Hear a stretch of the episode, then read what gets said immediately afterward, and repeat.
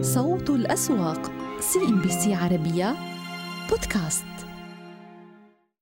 إذا تباين عند الإغلاق بالنسبة لهذه الجلسة بين مؤشري سوق دبي وأبو ظبي. سوق دبي تراجع هامشيا بثلاثة عشر نقطة المئوية عند مستويات 3349 نقطة تقريبا. اليوم كان لدينا بعض الضغوط من القطاع المصرفي في هذه الجلسة. نلقي نظرة على الأسهم الأكبر وزنا كيف تحركت. مع العلم بأن مستويات السيولة اليوم بسوق آه، دبي آه، سجلت تقريبا 283 مليون درهم. إذا إعمار العقارية كانت على نوع من الثبات ولكن الضغوط كانت من الإمارات دبي الوطني الذي تراجع بنقطة مئوية واحدة وعاكس هذا الضغط بنك دبي الإسلامي الذي ارتفع بثمانية عشر النقطة المئوية. الأسهم الأكثر نشاطا اليوم طبعا كنا نراقب سهم تبريد لأنه مساهمو الشركة الوطنية للتبريد المركزي آه، أقروا توزيع أرباح نقدية للمساهمين عن العام المالي المنتهي في الحادي والثلاثين من ديسمبر 2021 التوزيعات راح تكون ستة فلوس للسهم الواحد بالإضافة إلى إصدار أسهم منحة بواقع سهم واحد واحد لكل 40 سهم مملوكة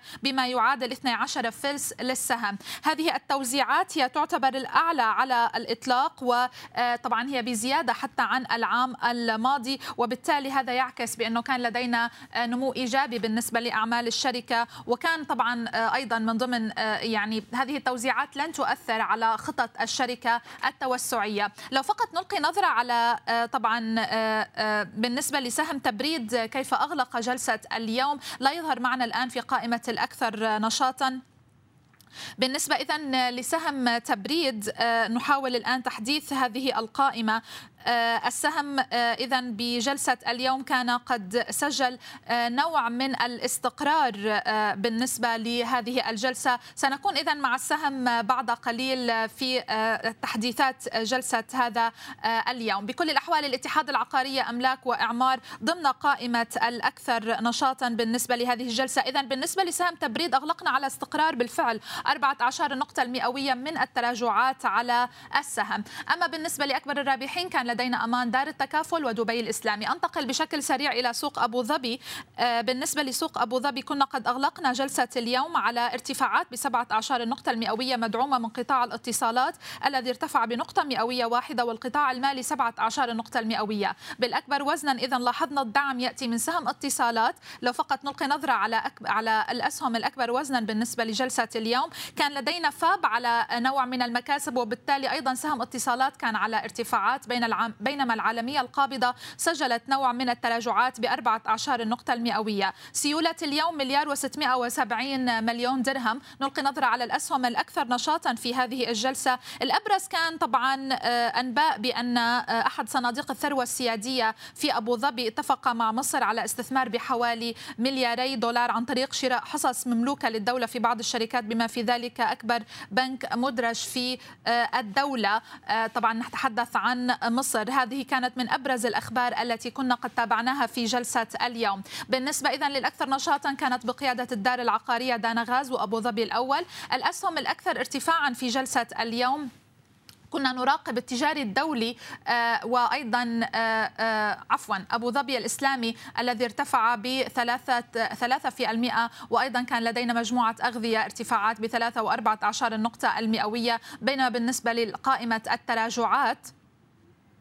التراجعات كانت بقيادة اليوم الفجير الوطني أم القوين وأيضا كان لدينا ميثاق على تراجعات بقرابة الثلاثة في المئة. دعونا نذكركم إذا بأبرز الأخبار التي تابعناها. كنا نتحدث قبل قليل عن سهم تبريد. السهم أغلق على تراجعات هامشية بثلاثة عشر النقطة المئوية. بالنسبة لشركة تبريد كان إذا كنا قد شهدنا المصادقة على توزيعات نقدية بستة فلوس للسهم الواحد بالإضافة إلى إصدار أسهم منحة بواقع سهم واحد لكل 40 سهم مملوك بما, بما يعادل 12 فلس للسهم. هذه التوزيعات هي الأعلى تاريخيا وهي طبعا بالطبع أعلى من توزيعات العام الماضي. وبحسب الشركة بأنه لن يكون لها أي تأثير آه، سلبي على الخطط الاستحواذ آه، خطة التوسعات الخاصة بالشركة بحكم أنه عادة عندما نشهد توزيعات أعلى وتوجه نحو عمل توزيعات نقدية أكبر المستثمر يكون متخوف من أن هذا قد يؤثر على سيولة الشركة المتاحة لعمليات الاستحواذ والاندماجات والتوسعات عموما. إذا سهم تبريد كان على 14 نقطة المئوية من التراجعات. وكشفت مصادر مصرفية ل CNBC عربية أن استحواذ القابضة ADQ على أسهم البنك التجاري الدولي سيتم من خلال شراء حصص لمؤسسات حكومية ترغب ADQ في الاستحواذ على أسهم أو على 18% من أسهم البنك التجاري الدولي أي ما يعادل 354 مليون سهم تقريبا بقيمة تعادل 972 مليون دولار. يذكر أن المساهم الحكومي الرئيسي والأكبر في البنك التجاري الدولي هو البنك الأهلي المصري بنسبة تقدر بنحو 9.3%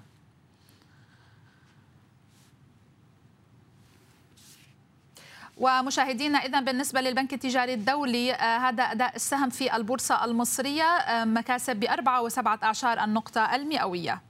تراجع الجنيه المصري بعد قرار استثنائي واضطراري من البنك المركزي المصري برفع معدلات الفائدة نقطة مئوية واحدة لكبح جماح التضخم في مصر. هذا القرار أثر على الجنيه بتراجعات وصلت لأكثر من 14% بالنسبة للجنيه أمام الدولار الأمريكي. السؤال اليوم كيف وماذا تعني هذه التراجعات بالنسبة للبورصة المصرية للأسهم المصرية ولملف الاستحواذات المرتقب في البورصة؟ دعونا أولا نذكركم بأب أبرز التحركات التي شهدناها سواء بالنسبة للجنيه مقابل الدولار أو حتى بالنسبة لمؤشر EGX 30 وهو المؤشر الرئيسي بالنسبة للبورصة المصرية. هذه الإجراءات الحكومية المتمثلة برفع معدلات الفائدة 100 نقطة أساس من قبل البنك المركزي المصري تسببت في خفض للجنيه المصري. جلسة يوم الاثنين تراجع فيها بأكثر من 14 في المئة أمام الدولار الأمريكي. كانت في السنوات الماضية في الأشهر الماضية وتحديدا من نوفمبر 2020 2020 تقريبا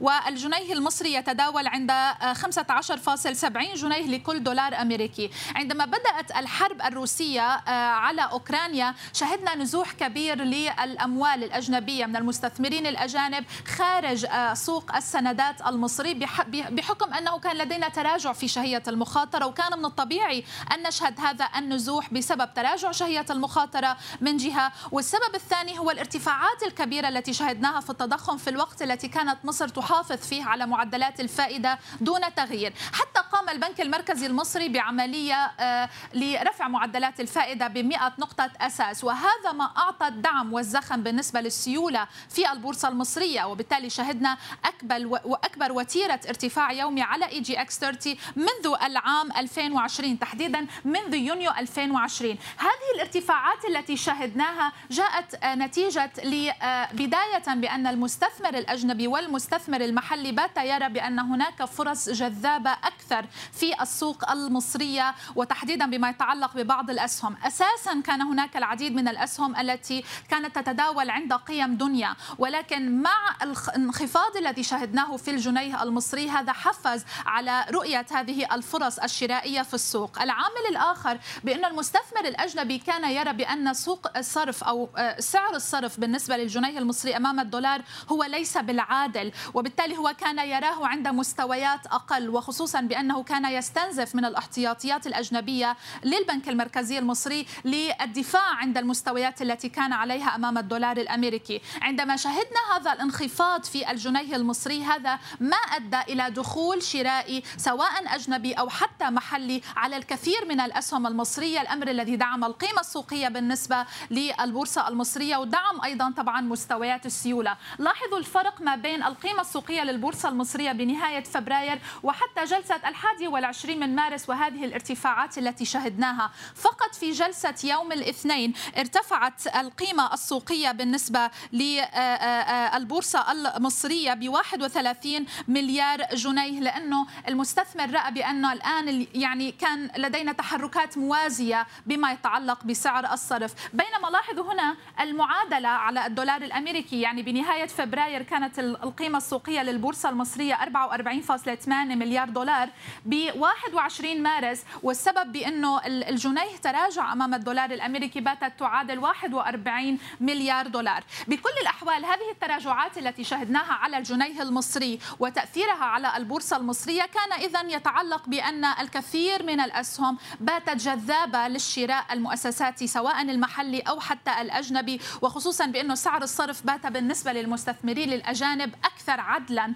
بما يتعلق بوضع ربما الاقتصاد وضع الاحتياطيات الأجنبية. على فكرة حتى إذا ما نظرنا إلى سوق السندات المصري كان قد تأذى وشهدنا انسحاب لمليارات الدولارات من سوق السندات المصري بسبب أن معدلات الفائدة كانت مستقرة على الرغم من الموجة التضخمية. وبالتالي كان يجب على المركز المصري أن يأخذ هذه هذا الإجراء وأن يقوم برفع معدلات الفائدة لإعادة جذب الاستثمارات الأجنبية حتى إلى سوق السندات المصري.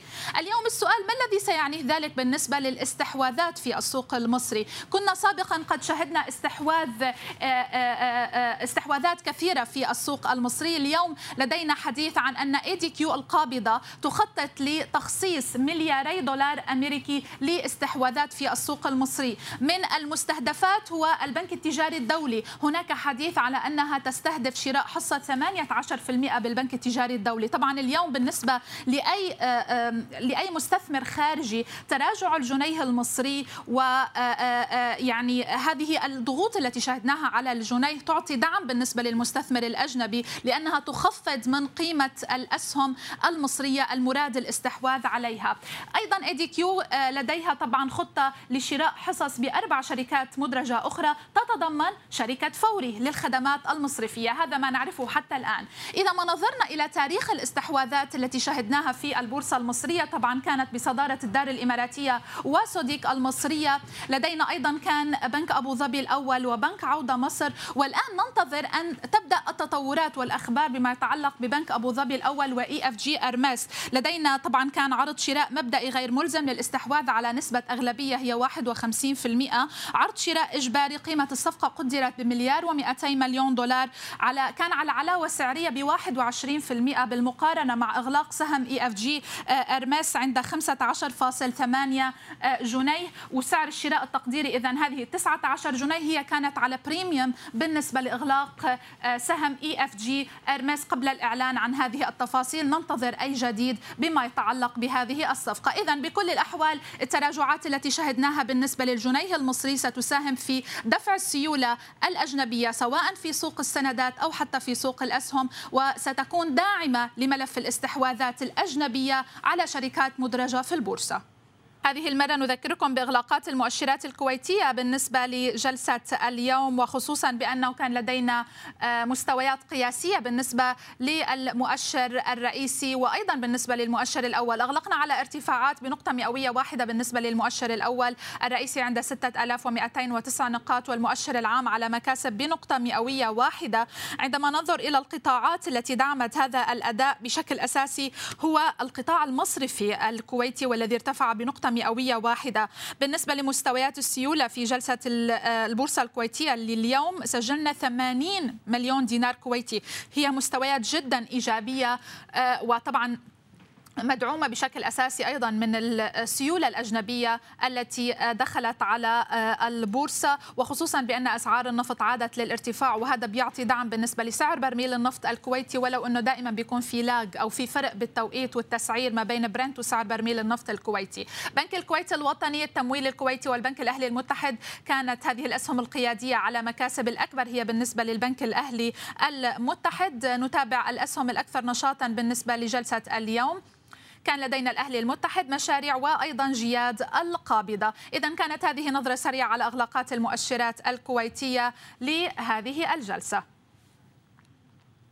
ومشاهدينا طبعا من أبرز الأخبار التي كنا قد تابعناها في الكويت. أيضا كان قد قال حمد المرزوق رئيس مجلس إدارة بيت التمويل الكويتي إنه لا توجد مستجدات في الوقت الحالي تستدعي الإفصاح عنها بشأن صفقة الاندماج المحتمل بين بيتك والبنك الأهلي المتحد البحريني. واقرت العمومية توزيع أرباح نقدية على المساهمين بواقع 12 فلس لكل سهم. الموافقة على توزيع أرباح على فترات نصف سنوية وتفويض مجلس الإدارة والسماح له بتوزيع أرباح بالنسب التي يقررها وذلك عن النصف الأول من السنة المالية 2022 بذات المعايير المتبعة على توزيعات الأرباح السنوية. هذا طبعا البند اللي ذكرناه في بداية الاجتماع يتعلق بالاقتراح المقدم بالسادة المساهمين اللي يملكون أكثر من 5% موافقة على البند؟ قال أحمد الصباح رئيس مجلس إدارة البنك التجاري الكويتي قال إن البنك تبنى للسنة الثالثة على التوالي سياسة تصفير القروض المتعثرة وحقق البنك 54.6 مليون دينار أرباح للعام الماضي بنمو بلغ 100% ال 21 طبعا كانت سنة آه، خير وسنة طيبة بالأداء طبعا عامة البنوك ومن ومنهم تجاري. ومثل ما شفتم أعلنا بالبورصة ارباحنا الحمد لله كانت يعني إحنا نراها مرضية وطبعا أحلى ما فيها إنها في توزيعات 20 آه، فلس للمساهمين. طبعا في تعطش للأرباح من بعد ثلاث سنوات آه، توقف بالتوزيعات يعني سنتين فهذه الثالثة تكون التوزيع فإن شاء الله نكون آه، أدينا واجبنا وبأكمل وجه. وإذا سألتك عن حجم المخصصات المجنبة ونسبة القروض المتعثرة. إيه طبعا هو طبعا آه، تبنينا سياسة وكانت مقترحة من قبل المساهمين بالعموميه السابقة اللي هو من 2018 إذا ما آه، ما يخانني ما خانتني الذاكرة. آه، منا احتساب الصفر للقروض المتعثرة. وطبعا هذا البنك الوحيد بالكويت ويمكن يكون من البنوك القليلة بالعالم يعني. وتبنينا هذه السياسة وصار لنا الحين ثالث سنة نمشي عليها. وقروضنا المتعثرة صفر بالمئة لمدى ثلاث سنوات. أما مخصصاتنا فمخصصاتنا ما يعني ما يقارب 216 مليون دينار كويتي. على حجم على حجم أصولنا وهي أصولنا ككامل حوالي 4.4 إلى 4.3 مليار دينار كويتي. هذه أصولنا يعني مع بين المحفظة وما بعد الائتمانية. يمكنكم الآن الاستماع لإغلاقات الأسواق العربية يوميا على بودكاست CNBC عربية ضمن برنامج صوت الأسواق. تابعونا على Apple Podcast Google Podcast Spotify و Deezer وبهذا نكون قد وصلنا إلى نهاية مسار السوق. نشكر لكم حسن المتابعة وإلى اللقاء. صوت الأسواق CNBC عربية بودكاست. عموما نتجه أيضا حتى الآن إلى التداولات السعودية. أستاذ عبد الله الربدي عضو مؤسس آه، في طبعا مجلس إدارة الجمعية المالية السعودية. يطلعنا على تفاصيل إغلاقات اليوم. أستاذ عبد الله أهلا بك معنا وشكرا على وجودك. يعني اليوم ما زال السوق عم بيحاول عدة محاولات الوصول لمستوى ال 12900 نقطة من جلسة يوم أمس لكن عاد ليتراجع دون هذا المستوى. اليوم برأيك إلى أي مدى سعر السوق كل التصريحات التي سمعناها فيما يخص الهجمات على أرامكو؟ وأيضا التصريح الأبرز هو من الحكومة السعودية آه، بأنها لن تكون مسؤولة عن أي نقص بالإمدادات. كيف قرأت المشهد وهذا التصريح؟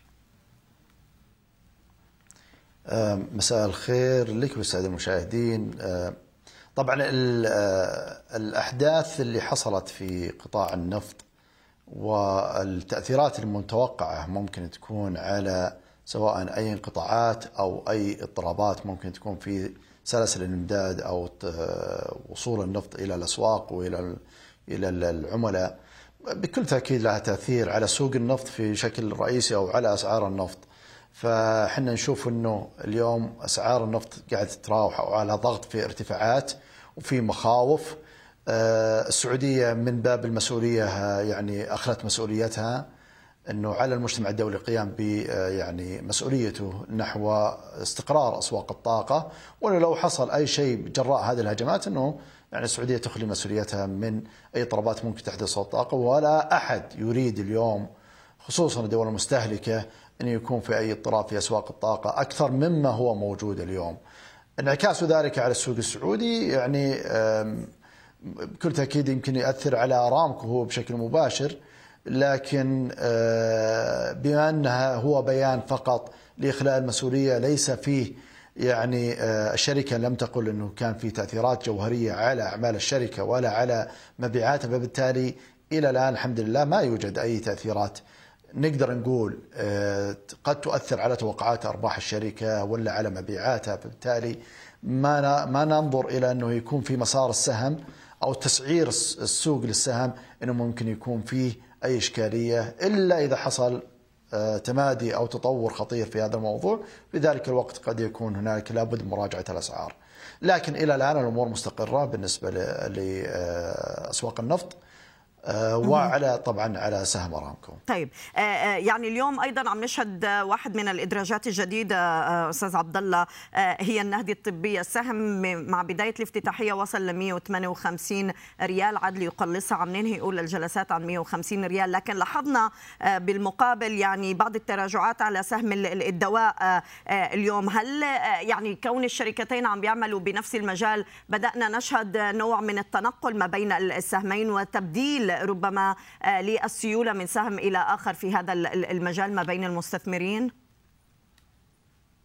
طبعا آه، هذا وارد لأن نعرف إنه الصناديق الاستثمارية والمحافظ الاستثمارية لما تسوي asset allocation أو آه، توزيع أصول وتوزيع بين القطاعات الأصول حقتها فلما يكون على قطاع معين له وزن معين في في المحفظة خلينا نفترض إنه مثلا هذا القطاع 5% بالتالي لما يدخل. يدخل قادم جديد أو شركة جديدة فيحتاج انه يوزع مرة أخرى هذه الاصول بين الشركتين فتلقى انتقال فعلا زي ما ذكرتي بعض العمليات صارت كانت عبارة عن انتقال أصول من الدواء مثلا إلى النهدي وأخذ مراكز فيها. فهذه واحدة يعني من الأسباب اللي ممكن تكون تفسر حركة آه، نزول سهم الدواء مع طرح أو مع بدء تداول النهدي. المومنتوم أو القوة اللي شهدها النهدي اليوم يعني أعتقد انه السيولة اليوم كانت فيه حدود المليار ويمكن و200 أنا ما ما عندي آخر رقم يعني وصل له لكن أكيد إنه كان فوق المليار. سيولة عالية 14 آه، أو 15% آه، يعني ارتفاع في السعر فأكيد إنه كان مغري ومجدي للمضاربة أو حتى لأخذ مركز في شركة النهدي. نعم نشكرك أستاذ عبد الله الربدي عضو مؤسسه في مجلس إدارة الجمعية المالية السعودية كنت معنا من الرياض شكرا جزيلا لك. سنراقب طبعا استمرار التداعيات اللي عم نشهدها على رفع أسعار الفائدة في السوق المصرية من قبل المركزي والقرارات المتعلقة بمواجهة تحديات التضخم. اليوم السوق طبعا عم يرتفع بقرابة ال 152 نقطة على ال EGX 30 عم بتواصل الأسهم المضاربية تحركاتها الإيجابية لمستوى ال 1991 نقطة. سنكون على تفاصيل هذه الإغلاقات بعد الفاصل. أستاذ إيهاب سعيد عضو مجلس إدارة البورصة المصرية سينضم إلينا من القاهرة. صوت الأسواق CNBC عربية بودكاست. أهلا بكم من جديد. اذا وصول أسعار الأسهم المصرية إلى مستويات متدنية وأيضا بالنسبة لمضاعفاتها الربحية كان شجع العديد من الجهات الخارجية لبدء تمركزها بالسوق المصري وأيضا التوجه للاستحواذ على حصص في الاسهم المدرجة. دعونا نتابع التفاصيل إلى أي مدى أيضا خطوة عملية وتراجع سعر صرف الجنيه المصري أمام الدولار ستساعد على تعزيز هذا الاتجاه بالنسبة للشركات الأجنبية والعربية في عرض مفصل.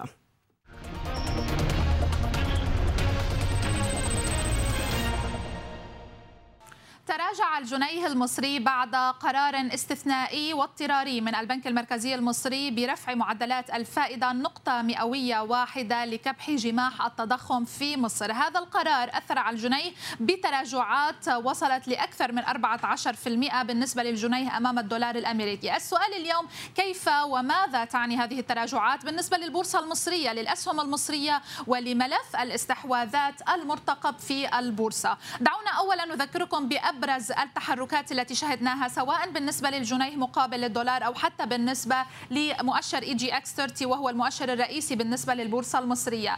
هذه الإجراءات الحكومية المتمثلة برفع معدلات الفائدة 100 نقطة أساس من قبل البنك المركزي المصري تسببت في خفض للجنيه المصري. جلسة يوم الاثنين تراجع فيها بأكثر من 14 في المئة أمام الدولار الأمريكي. كانت في السنوات الماضية في الأشهر الماضية وتحديدا من نوفمبر 2020 2020 تقريبا والجنيه المصري يتداول عند 15.70 جنيه لكل دولار أمريكي. عندما بدأت الحرب الروسية آه، على أوكرانيا شهدنا نزوح كبير للأموال الأجنبية من المستثمرين الأجانب خارج آه، سوق السندات المصري بحكم أنه كان لدينا تراجع في شهية المخاطرة وكان من الطبيعي أن نشهد هذا النزوح بسبب تراجع شهية المخاطرة من جهة. والسبب الثاني هو الارتفاعات الكبيرة التي شهدناها في التضخم في الوقت الوقت التي كانت مصر تحافظ فيه على معدلات الفائدة دون تغيير. حتى قام البنك المركزي المصري بعملية آه، لرفع معدلات الفائدة ب 100 نقطة أساس. وهذا ما أعطى الدعم والزخم بالنسبة للسيولة في البورصة المصرية. وبالتالي شهدنا أكبر وأكبر وتيرة ارتفاع يومي على EGX 30 منذ العام 2020 تحديدا منذ يونيو 2020 هذه الارتفاعات التي شهدناها جاءت نتيجة بداية بأن المستثمر الأجنبي والمستثمر المحلي بات يرى بأن هناك فرص جذابة أكثر في السوق المصرية وتحديدا بما يتعلق ببعض الأسهم. أساسا كان هناك العديد من الأسهم التي كانت تتداول عند قيم دنيا ولكن مع الانخفاض الذي شهدناه في الجنيه المصري هذا حفز على رؤية هذه الفرص الشرائية في السوق. العامل الآخر بأن المستثمر الأجنبي كان يرى بأن سوق الصرف أو آه، سعر الصرف بالنسبة للجنيه المصري أمام الدولار هو ليس بالعادل وبالتالي هو كان يراه عند مستويات أقل وخصوصا بأنه كان يستنزف من الاحتياطيات الأجنبية للبنك المركزي المصري للدفاع عند المستويات التي كان عليها أمام الدولار الأمريكي. عندما شهدنا هذا الانخفاض في الجنيه المصري هذا ما أدى إلى دخول شرائي سواء أجنبي أو حتى محلي على الكثير من الأسهم المصرية. الأمر الذي دعم القيمة السوقية بالنسبة للبورصة المصرية ودعم أيضا طبعا مستويات السيولة. لاحظوا الفرق ما بين القيمة السوقية للبورصة المصرية بنهاية فبراير وحتى جلسة الحادي والعشرين من مارس وهذه الارتفاعات التي شهدناها. فقط في جلسة يوم الاثنين ارتفعت القيمة السوقية بالنسبة للبورصة المصرية ب 31 مليار جنيه لأنه المستثمر رأى بأنه الآن يعني كان لدينا تحركات موازية بما يتعلق بسعر الصرف. بينما لاحظوا هنا المعادلة على الدولار الأمريكي يعني بنهاية فبراير كانت القيمة السوقية للبورصة المصرية 44.8 مليار دولار ب 21 مارس والسبب بأنه الجنيه تراجع أمام الدولار الأمريكي باتت تعادل 41 مليار دولار. بكل الأحوال هذه التراجعات التي شهدناها على الجنيه المصري وتأثيرها على البورصة المصرية كان إذا يتعلق بأن الكثير من الأسهم باتت جذابة للشراء المؤسساتي سواء المحلي أو حتى الأجنبي وخصوصا بأنه سعر الصرف بات بالنسبة للمستثمرين الأجانب أكثر عدلا بما يتعلق بوضع ربما الاقتصاد وضع الاحتياطيات الأجنبية. على فكرة حتى إذا ما نظرنا إلى سوق السندات المصري آه، كان قد تأذى وشهدنا انسحاب لمليارات الدولارات من سوق السندات المصري بسبب أن معدلات الفائدة كانت مستقرة على الرغم من الموجة التضخمية. وبالتالي كان يجب على المركز المصري أن يأخذ هذه آه، آه، هذا الإجراء وأن يقوم برفع معدلات الفائدة لإعادة جذب الاستثمارات الأجنبية حتى إلى سوق السندات المصري.